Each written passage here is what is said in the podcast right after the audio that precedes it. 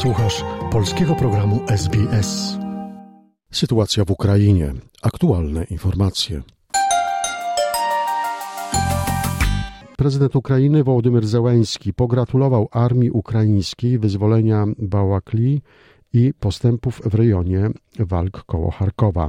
W swoim codziennym wystąpieniu ukraiński przywódca podkreślił, że kontrofensywa w obwodzie donieckim trwa i zapewnił, że miasta Łyman i Dniepr również zostaną odbite. Chciałbym dziś pogratulować dwóm naszym pięknym i silnym miastom, Łyman i Dniepr. Łyman w obwodzie donieckim wciąż czeka na naszą flagę i jest to nieuniknione.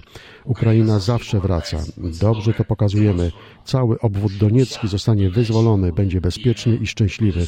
Tak powinno być na całej Ukrainie. Tak powinno być wszędzie na naszej ziemi.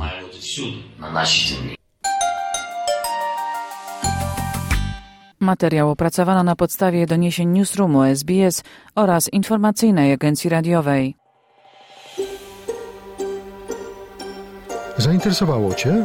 Chcesz usłyszeć więcej? Słuchaj nas na podcastach dostępnych w Apple Podcast, Google Podcast czy Spotify lub w jakimkolwiek innym, który używasz.